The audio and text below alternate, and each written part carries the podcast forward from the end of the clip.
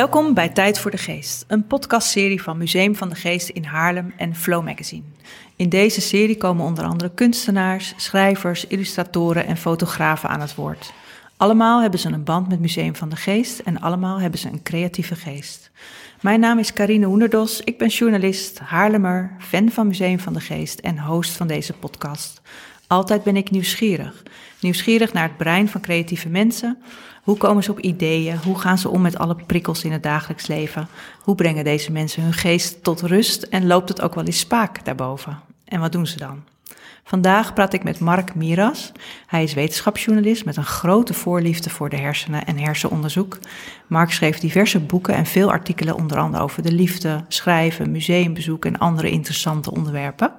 En in dit gesprek nemen we een kijkje in zijn brein. Mark, welkom. Hallo, hi. Ik zou graag willen beginnen met de vraag: hoe is het met jouw geest vandaag? Ik heb vanochtend, uh, zoals iedere ochtend, uh, gezwommen bij het Scheepvaartmuseum in Amsterdam. Het water is steeds kouder. Uh, dus dan, dat is het moment van indalen in jezelf. En dat geeft een soort rust, dat ik er zin in heb. en dat blijft dan de hele dag bij mij. Mooi. En doe je dat echt het hele jaar door? Nou, het is het eerste seizoen, dus ik heb het nog niet bewezen, maar het is wel het plan. Ik vind het wel heel stoer dat je begint in het seizoen wat al meteen uh, koud is. Een vriendin van mij die vroeg um, of ik de zwemtraining uh, naadloos zou laten overgaan in de schaatstraining. Ja, dat kan. Ja, of je neemt een bijltje mee en je hakt je eigen, je eigen zwembad. Ja. Nou, jij bent hier en je bent wetenschapsjournalist. En als je het goed vindt, wil ik even iets van jouw website voorlezen, mm -hmm. van je homepage. Uh, daar staat: Op een koude en grauwe winterdag in 2001 viel me plotseling iets op. Reeds weken had ik, grabbelend in het onderzoeksnieuws voor mijn artikelen, onwillekeurig steeds hersenonderzoek gekozen. De fascinatie was er dus al voor me, haar, voor me ik haar bewust werd. Het was het begin van een onstuimige verliefdheid die nooit is uitgedoofd. Een diepe honger om het mysterie van de hersencellen te doorgronden. Wat maakt mensen tot wie ze zijn? Nou, dat is heel mooi. Dat is 19 jaar geleden. Ja, zo is het gegaan. zo is het gegaan. Ja. En is het nog steeds zo? Ben je nog steeds zo gefascineerd? Door... Ja, ja, het blijft een, uh, een, enorme fascinatie die je inderdaad met een liefde kunt vergelijken. Um, enorme nieuwsgierigheid, uh, steeds weer, uh, onverkort, ieder wetenschappelijk artikel dat echt over gezonde hersenen gaat. ja, dat kan ik niet, niet laten liggen, zou ik maar zeggen. Dan popel ik om het te gaan lezen. Het klinkt bijna alsof je nog steeds verliefd bent. En dat het, ja, dat is het. Ja. ja. ja. De, de, liefde is nog niet uh, ingedaald. Uh, ja, en je moet je realiseren dat je als wetenschapsjournalist altijd op zoek bent naar die delen van de wetenschap die mensen echt roeren, die mensen echt raken. En ja, dat is het brein bij uitstek. Ik bedoel, iedereen heeft een brein. Iedereen worstelt de hele dag met dat brein. Uh, wat allerlei rare dingen doet. Soms, soms je helpt, soms ook ja, je blokkeert. Uh, dus het, het, raakt iedereen en dat is dus heel dankbaar om ja. daarover te mogen schrijven. Ja, wat, wat, wat, wat, wil je bereiken met de dingen die je schrijft? Ja, de diepste, mijn diepste wens is om betekenis te hebben. Um, en ja, dat doe ik schrijvend, dat doe ik uh, met lezingen geven, uh, door te vertellen over wat mij fascineert en roert, in, ontroert in, in, in de wetenschap. Um, uh, omdat ik hoop en omdat ik ook verwacht dat als je beter begrijpt wat er daarboven gebeurt, dat je dan beter, gelukkiger, effectiever kunt leven. Uh, dus inderdaad het verschil maken, dat doe ik. Ja, en want als mensen beter snappen hoe het daarboven in hun hersenpan werkt, ja. wat dan? Dan kunnen ze. Ja, het, het werkt vaak heel erg. Um, het helpt om je te realiseren dat al die dingen die je vaak als heel persoonlijk en raar beschouwt, en waar je soms ook voor schaamt, dat die eigenlijk zijn zoals ze moeten zijn. Dat we zo gebakken zijn. Uh, we zijn niet logisch, um, maar we zijn wel allemaal mensen. Heb je daar een voorbeeld van? Van toch een gevoel waar mensen zich voor schamen en wat eigenlijk heel logisch is om te hebben? Um, of een gedachte? Nou ja, ach, neem jaloezie bijvoorbeeld. Uh, uh, of, of, of neem um, de angst, waardoor je jezelf blokkeert, um, waardoor je niet tot die actie komt die je had voorgenomen. Um, en dan is het goed om te weten hoe je jezelf wel op de juiste manier in beweging kunt zetten. Op welke knop je van binnen kunt duwen om ehm, nou ja, niet gevangen te zitten in zoals we geëvolueerd zijn, maar op een slinkse manier gebruik te maken van, van alle mogelijkheden die er zijn. Ja, dus je wilt, je wilt niet alleen duiden, maar je wil ook uh, tools geven, gereedschappen geven om daar beter mee om te gaan met je ja, brein. dat zijn twee kanten. Ja. En het ene helpt al, hè, want op het moment dat je je met jezelf verzoent, met hoe we zijn, dat is vaak al het startpunt om jezelf in beweging te zetten. Ja. we blokkeren ons heel vaak doordat we denken dat we raar zijn. Ja, ja. Mooi is dat, ja. En um, wat ik grappig vind is, want ik, ik, ging, ik dacht eigenlijk dat jouw achtergrond zou zijn dat je psycholoog was of uh, iets, maar je bent een theoretische natuur, natuurkundige. Ja. Ik, ik kan me geloof ik geen rechtlijniger wetenschappen uh, indenken dan dat. Nou, misschien wiskunde, maar theoretische natuurkunde is dan zeker een goede tweede. En toch heb je uiteindelijk Voordelen zijn dat. Ja, zeker. Aannames. Maar ja, ik denk, ach ja, eh, de wet van Newton, zwaartekracht, hoe rechtlijnig kan het zijn? Nou, kijk, wat ik als, als natuurkunde geleerd heb, is om op heel veel verschillende niveaus naar een systeem te kijken. Um, en dat moet je ook bij de hersenen doen. Hè. Je kunt kijken naar hoe individuele hersencellen uh, functioneren. Mm -hmm. Dat verklaart iets van hoe wij werken, uh, maar lang niet alles. Je kunt kijken naar de manier waarop die hersencellen zich in, in, in hersencentra hebben gegroepeerd, maar die zijn ook weer in netwerken opgegaan. En uiteindelijk is dat hele, hele brein functioneert als één geheel en geeft ons uiteindelijk onze identiteit. Er zijn allemaal verschillende niveaus die wel met elkaar te maken hebben, maar ook hun eigen uh, logica hebben. En dat heb je als natuurkundige geleerd. Dus om een systeem op heel verschillende niveaus te bekijken. En ik denk dat me dat helpt om ja. als wetenschapsjournalist uh, in, in die, die, enorme uh, berg aan onderzoek, uh, om daar een helder verhaal over te maken. Ja, want je zoekt naar die helderheid en je zoekt naar de logica. Maar is die er altijd wel bij de hersenen? Ja, ik denk ten diepste wel. Ik, ik, ik denk dat de hersenen eigenlijk heel simpel zijn. Oh. uiteindelijk, als we, het, als we het op de goede manier begrijpen, ja. Um, als, je, als je goed naar hersenen kijkt, dan zie je dat hetzelfde principe steeds weer gebruikt wordt. Het principe van een hersencel is eigenlijk het principe dat ons ook in staat stelt om als geheel, als, als mens, betekenis te geven aan ons leven. Bijvoorbeeld, of aan het leven van iemand anders, of aan wat dan ook. Ja. Um, dus het is eigenlijk een enorme maat van eenheid. Alleen we moeten wel leren om onze eigen begrippen los te laten en op een nieuwe manier naar onszelf te leren kijken. Ja, oké. Okay, en daar helpt jouw werk bij?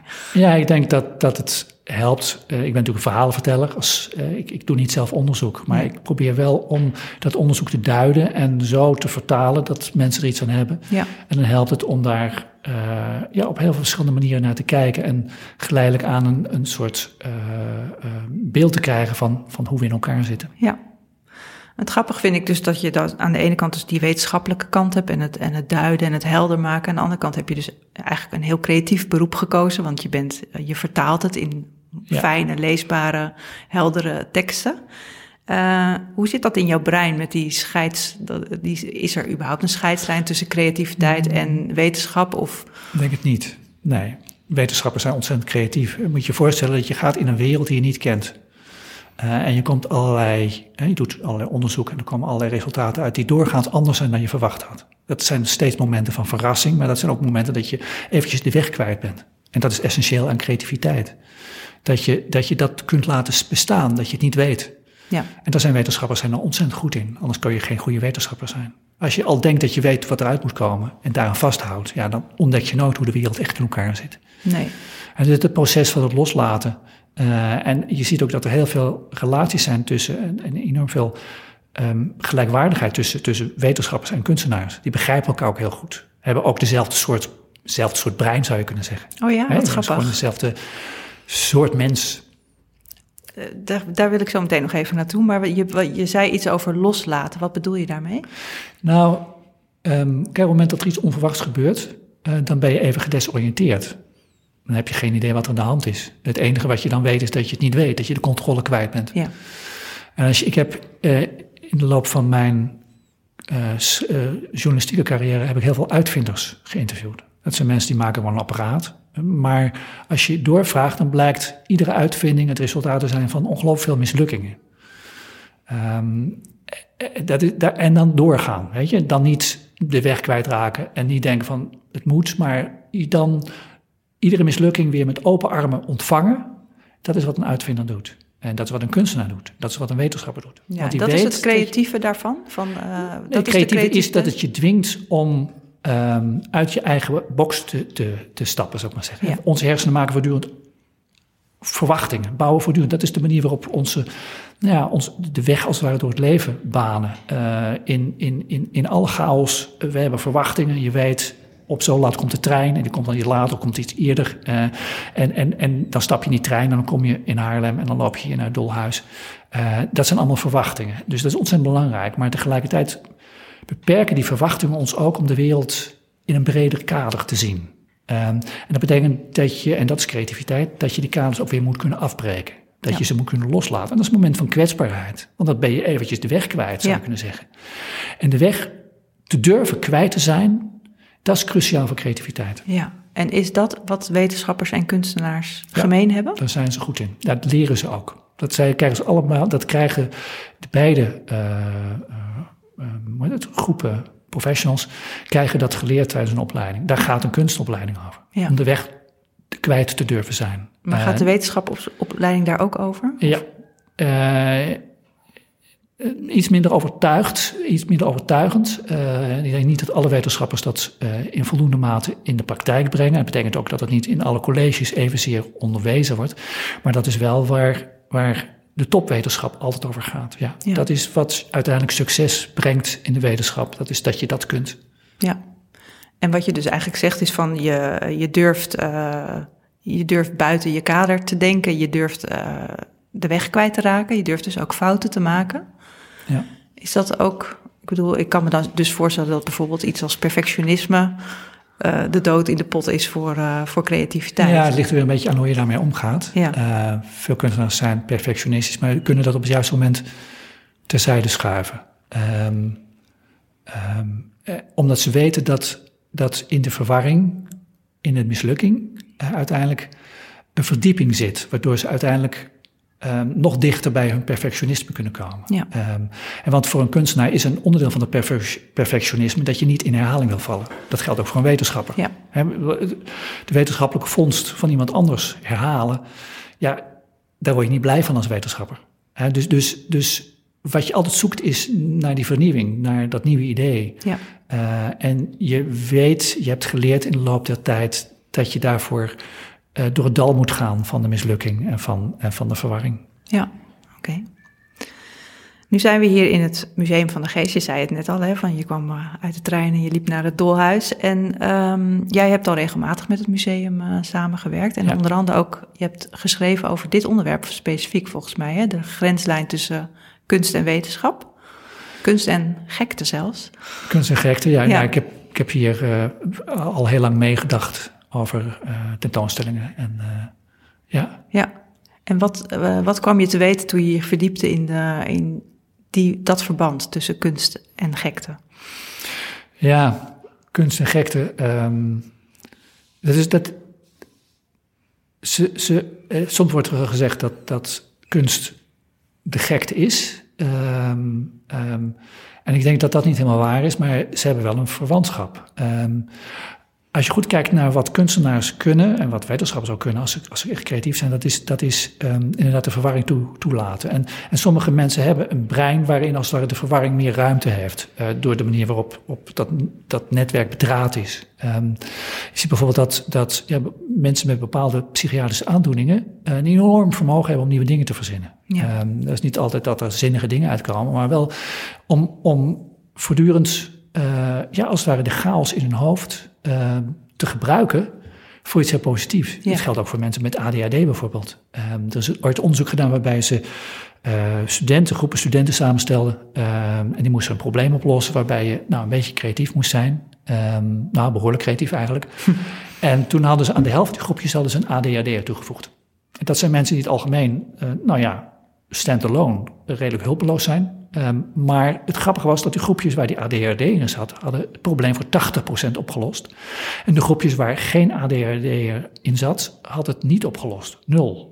En dan realiseer je ineens dat die ADHD'er dus in de groep ontzettend belangrijk is. Ja. Iets bijdraagt, waardoor die, als, waardoor hij als het ware, ja, die Katalyseert of de chaos die, uh, die, toelaat. Die, die, wanorde uh, um, een plek geeft. Um, en daar uiteindelijk ook zichzelf heel goed in, in, in staande kan houden. Ja. Uh, waar anderen vaak heel snel, ja, als het ware, geblokkeerd raken. Daar waar ze het overzicht en de controle kwijt zijn, is een ADHD'er heel goed in staat om het te laten gebeuren. En dan met nou ja, samen met die anderen tot, tot de geniale oplossing. En dan zie je dus dat, dat die, die, nou ja, hebben soms de neiging om dat, om dat onhandig te vinden in onze samenleving, mensen die zo'n hoofd hebben, maar dat het ontzettend waardevol is. Ja. En, en dat is denk ik cruciaal als je gaat kijken naar, naar, naar vaardigheden als creativiteit. Daar hebben we bijzondere hersenen voor nodig. Ik denk dat je zou kunnen zeggen dat onze cultuur geschapen is door mensen met bijzondere hersenen. Als je gaat kijken naar schrijvers, naar wetenschappers. Um, naar kunstenaars, dat waren vaak mensen waar een draadje los aan zat.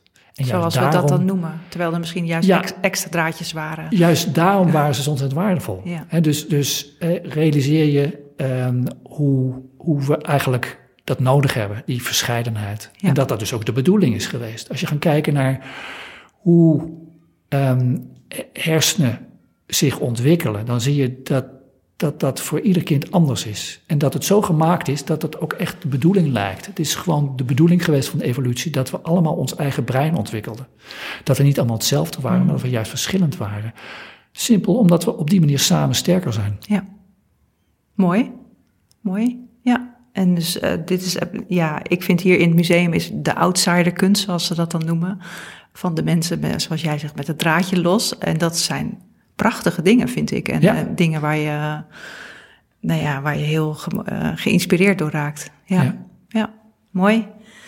En um, wat je hier ook wel eens hebt gedaan, om maar eens een heel ander onderwerp aan te snijden, is dat je een lezing hebt gegeven over de liefde. Je hebt ook een boek geschreven over de liefde. Ja. Je begon ook, uh, als ik op je homepage kijk, dan gaat het ook over verliefdheid voor de hersenen. Wat betekent liefde voor jou en wat doet het in je brein als je verliefd bent? Ja, liefde is voor mij heel belangrijk. Uh, ik denk dat ik dat voel als het diepste, diepste levensdoel voor mij. Om, uh, om in, in liefde mensen te ontmoeten. Um, om intiem te zijn. Um, ik denk dat als ik, als ik, als ik ooit uh, aan het eind van mijn leven kom, dat ik dan ook zal terugkijken en me zal afvragen of ik dat, of, of, ik, of, ik, of ik daar voldoende aan toegekomen ben. Hm. Um, en liefde is, ja, ik ben er een boek over gaan schrijven, omdat ik merk dat het voor heel veel mensen zo wezenlijk is, zo essentieel. Um, en tegelijkertijd ook zo ingewikkeld. Ja. En dat, dat mensen heel erg ermee worstelen. En, en toen dacht ik, nou, laat ik eens opschrijven wat de wetenschap erover vertelt. En dat is natuurlijk grappig, omdat je dan zo'n warm onderwerp vanuit Ja. een heel klinisch perspectief gaat bekijken. En ik was ook wel een beetje gespannen, want ik was bang dat het, nou, bij, bij um, dat het oppervlakkig zou blijven. Uh, maar ik vond gelukkig, en dat is en rond een aantal jaar geleden dat ik het geschreven heb, vond ik toch ook onderzoek waarvan ik het gevoel van ja, maar dat is voor mij ook de kern. Dus ik was heel blij dat het onderzoek, ja, ik ben altijd afhankelijk van wat het onderzoek gedaan Ja, heeft. Ik dat niet vroeg me af, doen. is er überhaupt goed onderzoek naar gedaan? Ja, en dat is er dus. Ja. Ja, het gaat niet alleen over, over dating en, en over wat, wat we mooi vinden, dat soort zeg maar, de oppervlakkige aspecten van liefde, maar het gaat ook echt over wat ons, wat ons ten diepste uh, raakt in de liefde en waar liefde uiteindelijk naartoe leidt. Want je wordt eerst verliefd en dat is een nou, soort kerstboom aan activiteit in je brein. Dat kan je heel goed meten ook, want het gaat echt allemaal uh, zeg maar, een beetje over de top. Uh, echt de bedoeling dat je iedere twijfel kwijtraakt, zou je kunnen zeggen. Dat is wat de evolutie um, op het oog heeft gehad. Dus ze hebben echt alle emotionele centra gebruikt om jou je twijfel kwijt te raken. Dus jij helemaal alleen maar voor deze persoon gaat. Oké, okay, verliefdheid mooi, is evolutionair beetje... zo bepaald dat je echt eventjes uh, de kerstboom optuigt ja, in je hersenen. En precies. Dan... Ja, dat je gewoon maar kijkt, wij zijn natuurlijk Zeker mensen die ontzettend veel mitsen en maren kennen. Ja. Um, en dat werkt in de liefde niet. Nee. Dus je moet op een gegeven moment je gewoon de knop omzetten en zeggen van we gaan er helemaal voor. En dat, dat is die, dat gevoel van verliefdheid. Dat bestaat voor een deel uit trucage, zou je kunnen zeggen. Maar als je er beter naar kijkt, dan realiseer je dat het eigenlijk een soort vooruitkijken is naar iets wat er nog niet is. Maar wat wel kan ontstaan als je je hecht aan iemand. Ja. Um, en die hechting is zeg maar de tweede fase van, van, van de liefde. Dat op een gegeven moment lost die verliefdheid op, of althans dat gebeurt vaak. En dan is er die hechting, die is ondertussen ontstaan. En die, die zorgt voor eigenlijk iets heel, iets heel persoonlijks, waar verliefdheid nog niet zo persoonlijk is en seksualiteit al helemaal niet persoonlijk. Um, um, dat is wel even een uitspraak. Ja, ja um, is, is die binding is heel erg superpersoonlijk. Dat is echt dat jij die ene persoon ook heel erg kunt waarderen om wie hij of zij is. Um, het is heel mooi dat als je gaat kijken naar, naar um, hoe onze hersenen met herinneringen omgaan. Uh, een liefde, een relatie is natuurlijk iets wat vooral uit herinneringen bestaat.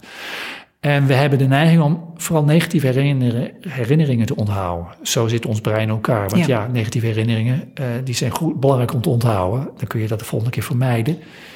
Uh, maar als het in een relatie, een liefdesrelatie, zie je dat het omdraait en dat je vooral de positieve dingen herinnert. Uh, en dat is natuurlijk prachtig, want we bouwen een soort kathedraal van mooie herinneringen.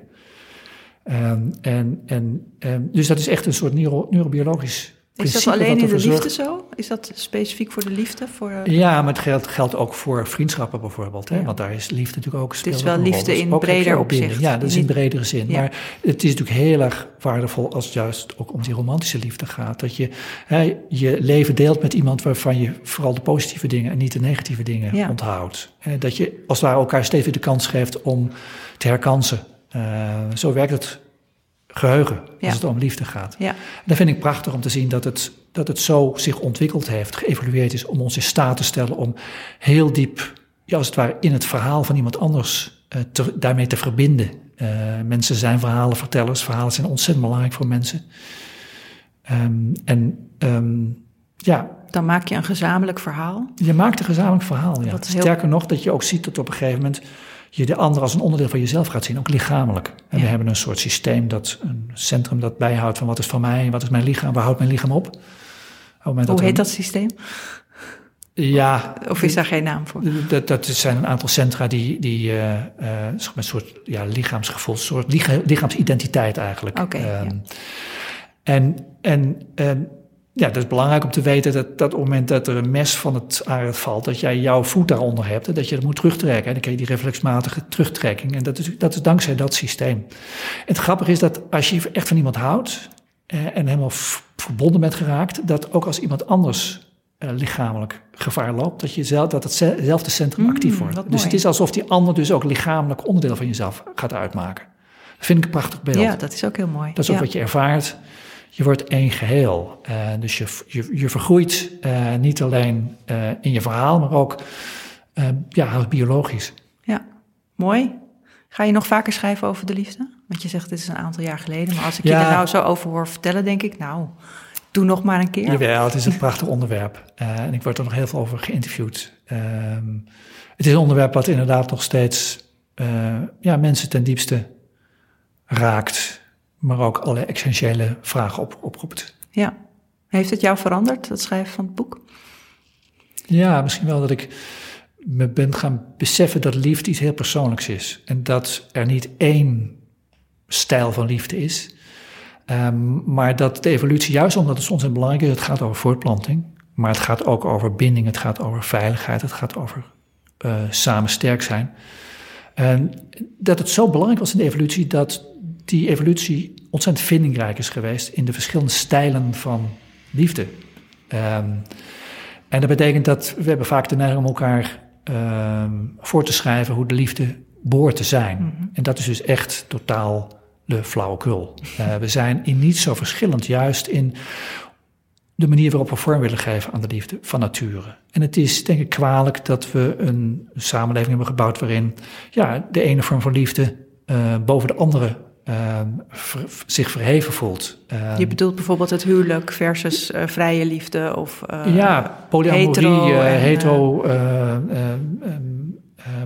um, nou, alle, alle, vormen die er maar zijn. Discussie die we nu hebben over en om ruimte te scheppen voor mensen die zichzelf man voelen terwijl ze een vrouwenlichaam hebben. Ja, het zijn eigenlijk allemaal uitingen van die enorme variatie die de natuur in dit thema gebracht heeft. Gewoon omdat het belangrijk was. En ja. belangrijk was dat iedereen op een bepaalde manier succesvol kon zijn. En laten we dus ook elkaar de ruimte laten om succesvol en dus gelukkig te zijn in liefde. Ja, en dat is wat je misschien niet, of dat wist je niet van tevoren toen je dit schreef? Of? Nee, dat besef je dan, Ja. eh, hoe belangrijk het is dat je dus ook eigenwijs bent in de liefde. Dat je niet Ja. de liefde bedrijft eh, en vormgeeft zoals het hoort, maar zoals het echt bij jou past. Ja, mooi.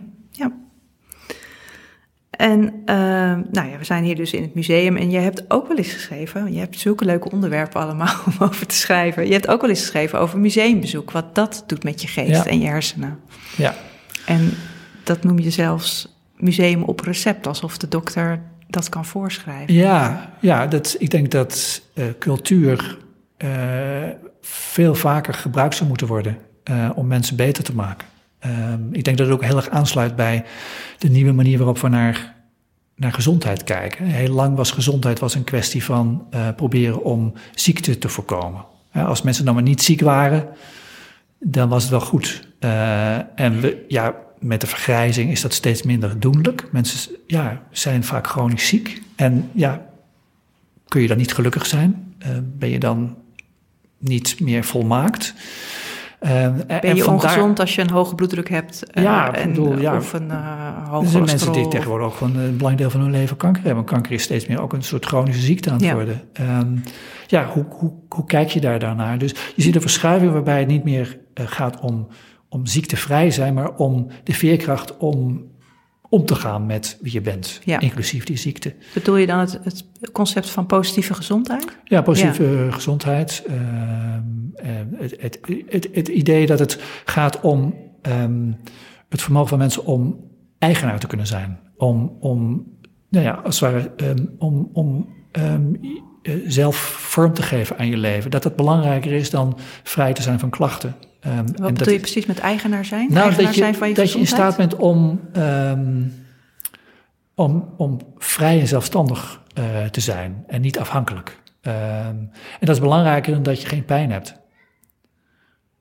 Dus, dus, en, en ik denk dat de dingen die je zelf kunt doen, zoals sporten, zoals eh, naar het museum gaan, zoals muziekinstrument spelen, eh, waardoor je je eigen leven verrijkt. En je ziet gewoon dat mensen daardoor minder ziek worden, dat ze minder afhankelijk zijn dus van, van, nou ja, van verzorging en van, van medisch ingrijpen. Ehm, eh, en nou, ik heb dat, die literatuurstudie over die musea gemaakt vanuit, vanuit dat perspectief. Hè. Hoe, welke rol kan dus het museum spelen? Eh, en dat is iets heel anders dan alleen maar vermaak. Museum, cultuur is veel meer dan vermaak. Cultuur is, zou je kunnen zeggen, ja, onze essentie. Eh, het, het helpt ons om te zijn wie we zijn. Mensen scheppen zichzelf dankzij de cultuur. Eh, en daar waar je met die cultuur kunt verbinden en kunt blijven verbinden, waar je naar musea kunt gaan, eh, daar help je dus jezelf eh, om, ja, om sterk te zijn en veerkrachtig te zijn. En hoe werkt dat dan precies in je, in je hoofd? Nou, een mooi voorbeeld vind ik experimenten waarbij ze mensen die dementeren met hun familie naar het museum die ze gaan om naar schilderijen te kijken. Een aantal schilderijen. Wat je dan ziet is dat ten eerste de verschillen wegvallen tussen de dementerende en de gezonde eh, eh, eh, familieleden. Eh, omdat het interessant is dat mensen die dementeren, weliswaar niet meer weten misschien wie ze zelf zijn, maar nog wel een uitstekend gevoel hebben voor wat ze mooi vinden. Hmm. Dat gaat niet verloren. Ja, Het zijn alleen maar, nou zeg maar de, de laatst ontwikkelde aspecten van ons, van ons brein die als eerste worden aangetast. En dat betekent dat, mensen, dat je nog heel erg lang een, een diep, zinnig en betekenisvol gesprek over kunst kunt voeren. Dat is fantastisch Ja, voor mensen die, die ehm, eh, ja, zo eigenlijk hun, hun, hun dierbaren zien wegglijden. En ineens eigenlijk die dierbaren weer terug hebben. Doordat ze leren op de juiste manier daarmee om te gaan. Hè, om te ontdekken dat er dus nog heel veel wel is. Ehm, eh, en ja, het mooie is dat musea worden volgehangen met schilderijen door kunstenaars die er een levenswerk van gemaakt hebben om mensen ja, in beweging te zetten, om mensen te ontroeren ook. En ontroering is iets heel bijzonders. Daar waar je ontroerd raakt, en dan zie je ineens tranen biggelen over je eigen wang, en voel je ineens je geraakt. En je zou kunnen zeggen dat dat het moment is waarop je hersenen als ware hun eigen, ja, zichzelf herschrijven. Dat wil zeggen, die identiteit herschrijven. Het brein maakt een soort verhaal af zichzelf. Wie zijn wij? Dat is wat wij als ik beschouw. dus als je voor een heel mooi schilderij staat, ik noem of een beeldhouwwerk wat jou echt roert, Ja. dan maken je hersenen een nieuw verhaal aan? Dan maken de mensen op de, de hersenen op dat moment een nieuw verhaal. Dus het is als het ware uh, alsof je eventjes losgeweekt wordt van de overtuiging die je over jezelf hebt. Ik ben stoer, ik kan alles, uh, ik ben nooit jaloers. Uh, dat, soort, dat soort overtuigingen. en, en dat is het moment waarop, waarop je dat even kunt loslaten en jezelf kunt herschrijven. Misschien ben ik wel jaloers. misschien kan ik niet alles. En dat is een moment van kwetsbaarheid, dat die tranen komen. Het is een sociaal signaal hè, van, van wees even voorzichtig met mij. Ik ben mm. mezelf aan het herschrijven. Uh, dus stoot even niet tegen me aan en zeg vooral geen onaardige dingen en luister even naar mij. Dus een prachtig, prachtig systeem wat mensen voortdurend gebruiken, ook als je met vrienden in het, in het café bent. Maar het bijzondere is dat je dat in een museum, dankzij het werk dat kunstenaars maken, uh, in staat bent om dat te activeren. Ehm, dus het gaat veel dieper dan alleen maar genieten, dan alleen plezier hebben. Of misschien anders gezegd, plezier is eigenlijk veel wezenlijker. Ja, dan we altijd denken. Ik, ik, denk wel van, ik, heb, ik ga heel vaak naar museum en ik heb nog nooit huilend voor een schilderij gestaan. Is dat, moet dat, is dat per se nodig om dat nieuwe verhaal te maken? Nee, maar het is wel een, een, een zeer uitgesproken voorbeeld van wat uh, een museum met mensen kan doen. Ja. Um, en het, ja, het, kijk, op het moment dat je dat je zelf een ongeneeslijke ziekte hebt, um, om even als weer als voorbeeld te nemen, um, een medische uitdaging. dat is een moment waarop je plotseling ineens moet gaan kijken naar je eigen sterfelijkheid. Als kind hebben we geleerd om eroverheen te stappen. Als mhm. kind ben je, dus dat is het beeld wat we van onszelf geschapen hebben, is iedereen gaat dood, opa's, oma's gaan allemaal dood, maar jij niet. Ja. En ineens sta je daar zelf. En dat is het moment waarop dat dan wel heel erg betekenisvol is als, je, als dan eventjes de identiteit herschreven kan worden. Dat kan het verschil maken tussen in staat zijn om afscheid te nemen, in staat te zijn om, om nog te genieten van die laatste tijd die je nog hebt. Mooi, ja.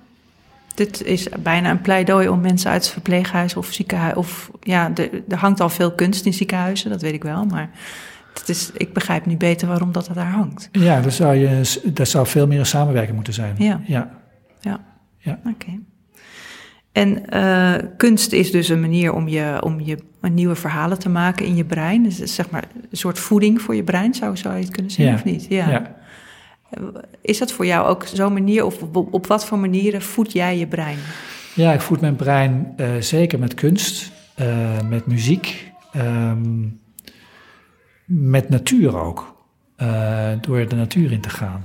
Dat doet in zekere zin hetzelfde. Voldoet aan dezelfde wetmatigheid. Je zou kunnen zeggen dat kunstenaars hun kunstwerken uh, ja, onbewust als het ware afgestemd op dezelfde principes die ook de natuur ehm, eh, in ons bewerkstelligt. Ehm, als je dat gaat analyseren visueel, als je, als je die, die structuur gaat bekijken, zie je dat er ook dezelfde, dezelfde wetmatigheden in zitten. en natuur was natuurlijk altijd om ons heen. En natuur was iets dat altijd aanwezig was. Uh, en wat pas de afgelopen honderd jaar uh, verdwenen is uit onze leefomgeving.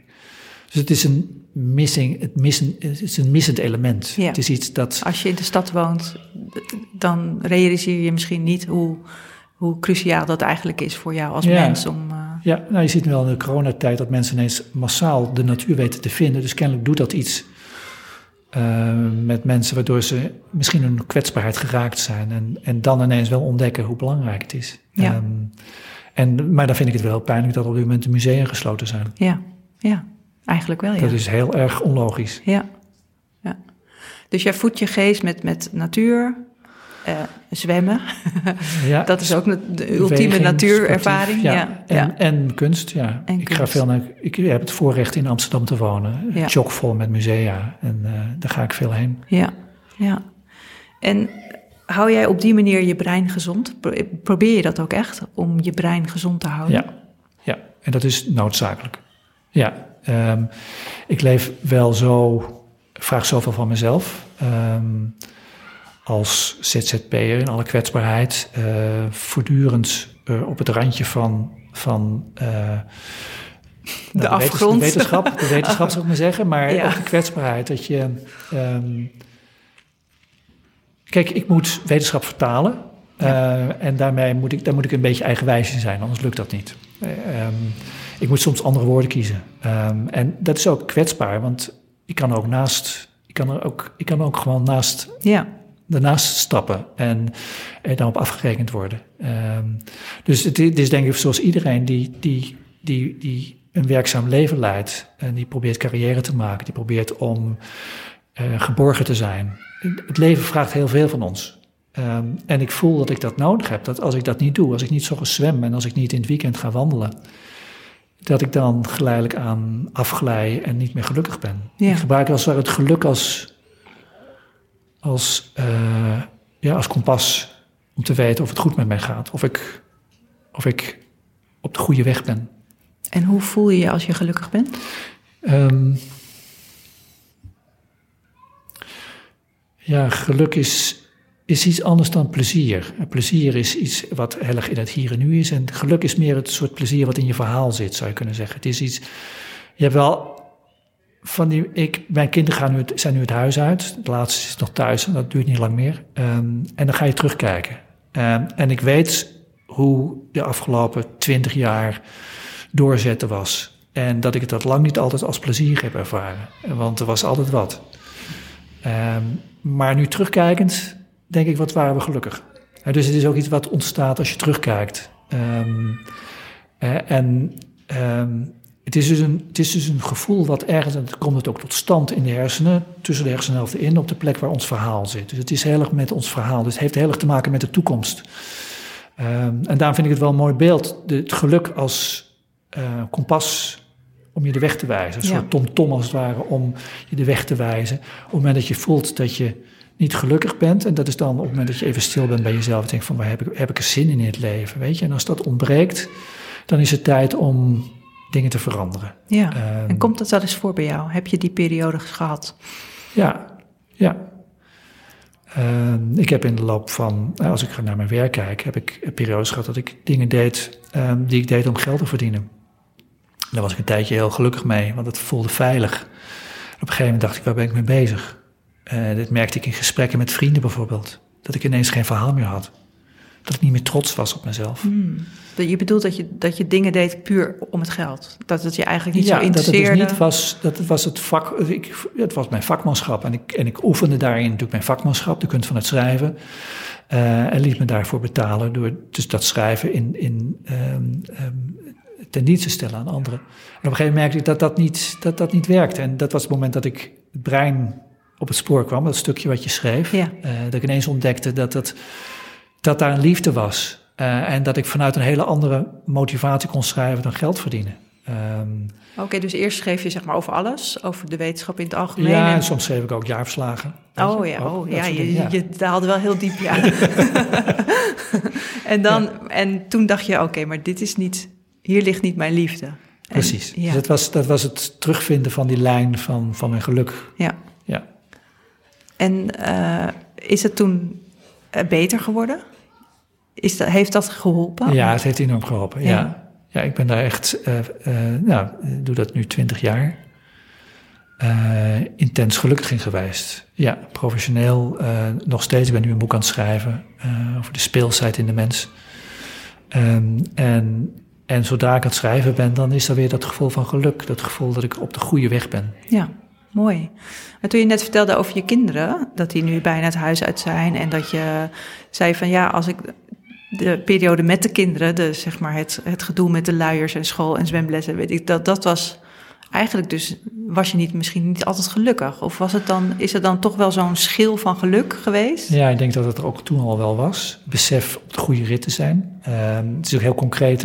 Dus in feite heb je niet heel veel geluk nodig. Uh, want het geluk zit voor je. Uh, in de vorm van de interacties met, met die kinderen. Um, maar wordt ook overspoeld door alle dingen die moeten. Um, ja. En daar vind ik het zo mooi dat je achteraf vooral dat gevoel van wat waren wij gelukkig ja. Uh, ja. Je zou het romantisering kunnen noemen, maar het is in feite um, dat je herinnering de essentie eruit haalt. En het is waarschijnlijk die, ook die kathedraal van liefde die jij net noemde. Ja, dat geldt ook, voor die kinderen. Die goede herinneringen. Ja. ja. Uh, dus er zit in ons, ons systeem, in ons brein, zit, in onze hersenen zit een, zit een, een soort ja, een, prachtig principe dat ons uiteindelijk tot onze essentie probeert te brengen. Um, en ja, die essentie is voor iedereen anders. En, en uh, dat heeft zich gevormd uh, door de manier waarop je opgevoed bent, door de voorbeelden die je van je ouders gehad hebt. En, uh, en, en dat vraagt van je om ergens trouw aan te zijn. Um, en dat is, dat is een stil, stil gevoel wat je terzijde kan schuiven en terzijde, tijd terzijde kan blijven schuiven. Maar ik merk dat als mensen ouder worden, ik ben nu, ik ben nu loop tegen de 60 um, um, en zo ergens voorbij de 50 zie je bij heel veel mensen dat ineens dat heel belangrijk wordt. Dat er een soort terugkeer is naar de essentie van, van hun leven. Alsof dat ook biografisch als het ware in ons mm. systeem zit. Dat er op het moment, op het moment is dat je, dat je tot, weer tot de kern moet komen. Ja. Um, en dat zou wel heel goed kunnen, want als je afvraagt wat is de functie van oud worden, dan is dat waarschijnlijk dat we in vroeger, ja, lang geleden, en toen we nog als, als jagerverzamelaars uh, over de velden renden en, en, en bessen plukten, um, dat we kinderen opvoeden in de groep. Uh, dat was niet alleen een, een, solitaire taak van papa en mama, maar er waren de ouders en de gro grootouders waren er ook bij betrokken. Um, en die hadden een eigen rol daarin. Dus, dus dat je overdraagt aan de volgende generatie of de generatie daarna, de generatie van je kleinkinderen, wat de essentie van het leven is, ja, dat zou heel goed, dat dat, dat, dat dus evolutionair belangrijk was. Ja, um, dus als ouderen moet je die essentie van het leven kennen om hem over te kunnen brengen dus dat op als je kleinkinderen. gedwongen worden door ons systeem om op een gegeven moment die, die diepere vragen over het leven te gaan stellen. Ja, en jij hebt uiteindelijk die essentie gevonden, want jij hebt iets gevonden waar je hart lag en waar je onwillekeurig uh, naartoe gedreven werd. En dacht, ja, oké, okay, die hersenen, dat is, dat is mijn liefde hier. En dat is een uh, groot voorrecht om ja. dat te mogen ontdekken. Ja, Precies, want hoe ontdek je dat? Ja, nou, ja, bij toeval dus. Ja, bij toeval. Schreef, ja. ja. dat je ineens denkt van, verrek, ik ben steeds hierover aan het schrijven geweest uh, de afgelopen weken, onbewust. En, en, en dan herkennen dat dat dus niet zomaar toevallig is, maar dat het iets heel wezenlijks over ja. jezelf zegt. Dus durven luisteren naar je eigen plezier. Uh, dat, dat um, het raar is, ik, ik, spreek tegenwoordig ook wel uh, in bedrijven, um, organisaties, onderwijs, um, dat dat iets is wat weggeraakt lijkt. Het ja. idee dat je naar jezelf mag luisteren, dat je zelf naar jezelf toe moet luisteren. Dat plezier, werkplezier, dat dat iets is waar je waar je op tijdens een functioneersgesprek met de vuist op tafel uh, over moet praten. In plaats van dat je denkt van nou, dat is privé, uh, dat komt er dan nog bij. Als je beter kijkt, zie je dat mensen die vanuit plezier werken, dus vanuit ja, als het, het, het innerlijke plan van ontwikkeling, dat ze veel bewegelijker zijn, veel beter in staat zijn om geen burn-out te krijgen, veel beter in staat zijn om ook vindingrijk te blijven. Uh, om niet op een gegeven moment te doen wat ze gevraagd wordt, maar altijd eigenwijs te blijven. En dat zijn ontzettend waardevolle medewerkers. Ja. Dus het, het, mes snijdt aan twee kanten. Het is niet, niet alleen voor jezelf dat je moet luisteren naar je eigen geluk en je plezier, maar het is ook voor de werkgever ontzettend belangrijk. Het is ja. belangrijk voor de samenleving.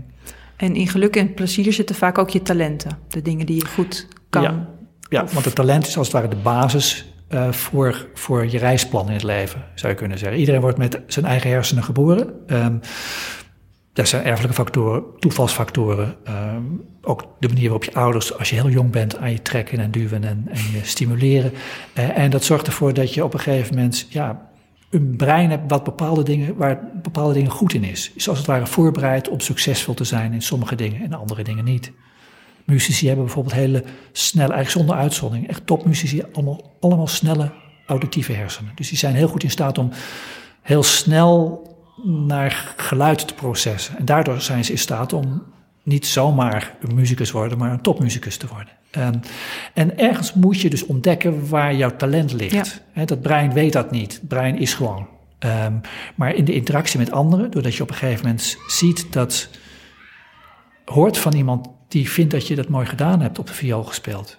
Die ja. juf die op een gegeven moment zegt van wauw, Marieke, wat heb je mooi op je, op je viool gespeeld. En dat is het moment waarop in Marieke dan iets ontstaat. Namelijk een soort, een soort, ja, een soort vuur in de buik, zou ik maar zeggen. Een, een drang om steeds weer die, dat muziekinstrument uh, te pakken en daar steeds virtuozer op te willen spelen. En dus dat plezier, dat wordt gevoed door dat er ergens iets in die identiteit wordt aangeraakt. Jij en muziek, dat hoort bij elkaar. Ja. Ja, en, en aan de ene kant heb je dus nodig dat andere mensen dat zien, maar je, nog beter is om naar je eigen plezier te. Dat andere mensen dat zien, dat helpt het kind om dat zelf te zien, om ja, zich ja. daarmee te verbinden. Kijk, kinderen, en zeker tieners ook, hebben een slecht gevoel voor hun lichaam. uh, dat ontwikkelt zich pas daarna. Uh, dus, uh, en je emoties, dat gevoel van wauw, dit vind ik fijn om te doen. Dat plezier, dat ervaar je via je lichaam. Ja. En dus kinderen zijn er als het ware nog redelijk stuurloos in. En het is heel belangrijk om ze erop te wijzen van hé, hey, hier gebeurt iets bijzonders. Kijk eens eventjes, dit vind jij dus leuk. Ja. En dat is vaak het moment waarop dat bewustzijn ontstaat en een ontwikkeling kan ontstaan. Uh, en dat is eigenlijk zoals het bedoeld is. Ja. Dat we dus eigenlijk uiteindelijk allemaal uh, die ervaring hebben dat je ontdekt waarvoor je eigenlijk geboren bent. Uh, Mooi, ja. En dat heb jij gevonden in de hersenen. En, Ja. en het schrijven over de hersenen. In het schrijven en, over hersenen, Het ja. duiden van de hersenen. Ja. Mooi. Um, ja, je zegt dus dat, dat kinderen soms moeite hebben om dat plezier te voelen. Hè? Dat, ze, dat, je, dat ze daarop gewezen moeten worden. Um, kun je als volwassene dat ook hebben? Dat je je plezier kwijt bent? En hoe kun je dat dan weer terugvinden? Ja, ik zie heel veel volwassenen die behoorlijk uh, de weg kwijt zijn. Uh, mooi voorbeeld is de, de topsport. Je zou zeggen, dat zijn mensen die ontzettend succesvol zijn en zo heel veel gelukkig zullen zijn, maar dat zijn ze vaak niet. Uh, en vaak is het wegkwijnen van het, van het plezier in de sport, doordat het zo om de prestatie gaat, is de voorbode van dat de prestatie ook verdwijnt. Hmm. Uh, dat ze ineens ja, hun flexibiliteit kwijtraken. Uh, dat ze niet meer kunnen incasseren, niet meer veerkrachtig zijn. Um, uh, en ja, dat vind ik een mooi voorbeeld. Eigenlijk zitten we allemaal in die positie. We allemaal topsporters eigenlijk in deze samenleving. Waarin we de, de verleiding heel erg is om, om steeds um, te fixeren op de prestatie. Um, en iedereen weet dat dat, ja, dat het een valkuil is. En dat als je eenmaal die prestatie hebt geleverd, dat je er in een zwart gat valt. Want daar zijn onze hersenen niet voor gemaakt. Onze hersenen zijn gemaakt om onderweg te zijn. En niet om ergens te wezen. Ja, ja. Dus als je die gouden medaille hebt van de Olympische Spelen, dan. Nee, Dan- Je, moet, je moet in het proces moet je gelukkig zijn. Je moet iedere training gelukkig zijn eh, en blij zijn en dan plezier hebben. En als dat op een gegeven moment wegraakt, dan moeten eigenlijk alle alarmbellen afgaan. En als je dat, eh, want het is voor topsporters, dat snap ik. En als je dat naar het gewoon, de gewone buschauffeur. Ja, dat geldt voor iedereen. ja, gewoon het, het, het proces van het werk, daar moet het plezier zijn. Eh, en je moet niet gefixeerd zijn op het salaris of op de prestatie die je, die je levert. Eh, ehm, en daarom is het zo belangrijk dat je, ja, dat je iets hebt met de collega's waarmee je werkt. Dat je als team je ook gezien voelt. Ehm, en je ziet dat als dat misloopt, dat het alleen nog maar op het resultaat gaat dat mensen dan burn-out krijgen. Je Ja. ziet een enorme toename van burn-out. Dat neemt al jaren neemt dat toe en heeft echt nu angstwekkende uh, proporties aangenomen. En dat heeft hiermee te maken dat we ergens niet meer mogen of durven te luisteren naar wat ons plezier ons vertelt. ja, omdat wordt gedacht van de prestatie is veel belangrijker dan het plezier. Ja, plezier is een bijzaak. Nee, Ja. dat is de hoofdzaak. Ja. Eigenlijk zouden organisaties moeten gaan over het plezier van hun medewerkers. Uh, zelfs beursgenoteerde bedrijven zouden dat als uitgangspunt moeten nemen. ja. Wij, zijn, wij, wij, wij runnen deze business om onze medewerkers in die lerende toestand te krijgen. Het is een school, het is niet een productiebedrijf. En dat die productie, daar, dat is een soort bijverschijnsel. En dan zul je zien dat die productie nog hoger wordt, omdat mensen die in staat zijn om zich te ontwikkelen, zijn veel productiever. Mooi. Um, stel nou, want je hebt dus 19 jaar lang, ik vind het nog steeds een indrukwekkend uh, aantal, uh, uh, geschreven over die hersenen en over het gezond houden. Ja, met name gezonde hersenen heb je over geschreven. Hè? Dus, Ja. Maar je hebt vast ook al gekeken van hoe, hoe hou je ze gezond? Uh, kunst, natuur, dat soort dingen. Maar wat zijn jouw beste, nou, zullen we zeggen, drie tips voor mensen die, die denken, ja, ik wil mijn brein gezond houden. Ik wil goed voor mijn brein zorgen. Um, fascinatie. Fascinatie? Ja, fascinatie. Zoek die dingen die jou fascineren. Uh, waar je, kijk, um, onze, um, we leven heel vaak in een, in een versnipperde, uh, versnipperd leven. Um, we zijn met allerlei dingen tegelijk bezig. En, en in die, dat, die versnippering die versterkt zichzelf. Als er geen fascinatie is, als er niet een eikpunt is waar je hersenen ja, hun tanden in kunnen, kunnen zetten en, en, en zich kunnen ontwikkelen, dan, dan, dan ben je voortdurend aan het zoeken eigenlijk. Uh, en dan ga je van het een uit het andere. En dan zit je weer eens te Netflix. En dan zit je weer, zit je weer te, te zappen. En dan zit je weer, weer, weer op internet dingen op te zoeken en zo. En, en dan is er geen, geen eenheid, geen lijn en dus geen ontwikkeling. Ehm, eigenlijk een soort hulpeloze toestand. Um, spartelend in het, in het leven. In het spartelend om Netflix. Uh, en op het moment dat je, dat, je, dat je iets vindt waar je, eh, een hobby bijvoorbeeld. Mm zoals nu ik, dat zwemmen, uh, s ochtends. Uh, dat, dat zorgt voor een, voor, een, voor een soort eikpunt. Zorgt voor uh, ja, inderdaad fascinatie, waardoor ik ook in andere opzichten veel beter in staat ben om, om dicht bij mezelf te blijven. En, um, en dingen, dingen, ja, om, om ja, als het ware naar mijn, naar mijn eigen brein te luisteren. Wat de lijn is, wat de, de, de weg is die wij samen gaan. Um, om nog mooiere gedachten te hebben. Um, kijk, als je naar mensen kijkt, hè, um, uh, hoe we ons verhouden met de rest van de natuur, met alle andere dieren. Moet je je voorstellen, je rent daar op de savanne, uh, in het bos, en dan kom je leeuwen, tijgers, uh, slangen en zo, en die zijn allemaal wel ergens beter in. Zeker nog, eigenlijk zijn wij redelijk niet onmatig. Ja. Wij zijn slechte renners, wij zijn slechte klimmers, we zijn slechte slimmers, uh, zwemmers, we kunnen al helemaal niet vliegen. Dus we kennen eigenlijk helemaal niks. Het enige wat we hebben is dat we slim zijn. Ja, dat brein, ja. Dus dat was onze unique selling point in de evolutie. En dat betekent dat, het, dat we geprogrammeerd zijn, zou je kunnen zeggen, door de evolutie, om slimmer te zijn. Om steeds te investeren in alles wat we doen in de ontwikkeling van onze hersenen. Want daarin konden we de rest van de, van de, van de natuur, van de planeet, de baas zijn. Mm -hmm. En dat zit nog steeds in ons. We willen voorwaarts daarin. Um, en fascinatie, iets wat je, wat je pakt, iets wat je, waar, je, waar je voor wakker wil worden, zogens, is daarom is ontzettend belangrijk. En dat zijn eigenlijk al de dingen die bijdragen aan het structureren van onze hersencellen, aan het, het, het scheppen van nieuwe, nieuwe functionaliteit, nieuwe dingen leren. Eigenlijk zijn we dus gemaakt om ons hele leven te blijven leren. Um, en dan zijn we gelukkig. Ja. Dan zijn we en dat begint waarschijnlijk met nieuwsgierigheid. ja, nieuwsgierigheid, ja, fascinatie. Ja, datgene wat je pakt, zou ik maar zeggen. Dus luister naar jezelf daarin. Je kunt niet zeggen van we gaan allemaal dit doen, allemaal dat doen. Het is super persoonlijk waardoor je geraakt wordt. Ja. Maar luister naar jezelf. Um, dus dat is er één. Um, ja, het belang van liefde. Uh, ontzettend belangrijk. Uh, zorg dat je niet alleen bent. Uh, um, dat is voor de ene nog belangrijker dan voor de andere, maar in het algemeen geldt dat eenzaamheid, daar waar je alleen, uh, eenzaam voelt, dat is slechter dan roken voor je lichaam. Ja. Um, uh, dus dat betekent dat je dus steeds moet investeren in je sociale ja, cohesie, in, in, in de vrienden om je heen. Um, dus dat is, dat is denk ik de tweede die belangrijk is. Ja. Ik denk dat het derde is het verhaal. Vertel je verhaal. Uh, ik zei het al, we zijn verhalenvertellers. En vrienden zijn ontzettend belangrijk. Misschien wel in de eerste plaats omdat ze naar je luisteren. En omdat je ze je dwingen om het echte verhaal te vertellen over mm. jezelf. Ja. En niet, nou ja, het populaire verhaal. Uh, want je weet tegenover je vrienden dat je niet wegkomt met, met dat uh, jaarverslag. Alleen maar, ja. alleen maar, precies, alleen maar de succesverhalen. Ja.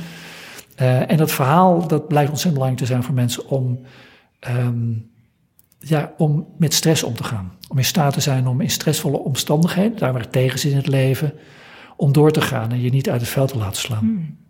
Ja, mooi. Dus een fascinatie, liefde en je verhaal. Ja, ja. oké. Mooi. En ik heb nog één laatste vraag. En dat is, want we zijn nu in het Museum van de Geest en jij uh, je bent volgens mij nog niet in het nieuwe, het hele vernieuwde museum geweest. We zijn er net even doorheen gerend op, uh, op zoek ja. naar, de, naar de, de locatie waar we nu zijn. Ja. Um, maar je kent het wel goed, het museum. Ja. Als jij, uh, wat, wat vind je van het museum en, en wat zou je zeggen tegen mensen die erover denken om dit museum te bezoeken? Ja, het is ontzettend fijn, knus museum. Um, dat over iets heel essentieels gaat. Uh, voor iedereen herkenbaar. Um, het gaat over onze verschillen. Uh, en het mooie is dat als je ziet hoe verschillend we zijn uh, en hoe ja, je eigenlijk voor, voor iedereen um, je toch verbonden kunt voelen, toch, toch gefascineerd kunt zijn, omdat alle mensen mooi zijn. omdat we eigenlijk allemaal ongelooflijk wonderlijke, prachtige eh, en, en, en onovertroffen dieren zijn, creaties. Ehm, en dat vind ik het mooie van het museum, dat het zo gaat over wie we echt zijn en dat we er mogen zijn. Ja, en die diversiteit dus. Ja, ja mooi. Dankjewel. Dankjewel Mark voor dit gesprek. Je luisterde naar Tijd voor de Geest, een podcast van het Museum van de Geest en Flow Magazine. De producer is Jonne Serizer en de tune is van Spinvis. Wil je meer weten over het museum, over deze podcast of over Flow Magazine? Bezoek dan www.museumvandegeest.nl of www.flowmagazine.nl. Abonneer je op deze podcast bijvoorbeeld bij iTunes en laat een review achter. Of deel deze podcast met vrienden en familie, zodat zij ook eens tijd maken voor hun geest. Tot de volgende keer. Tijd voor de geest.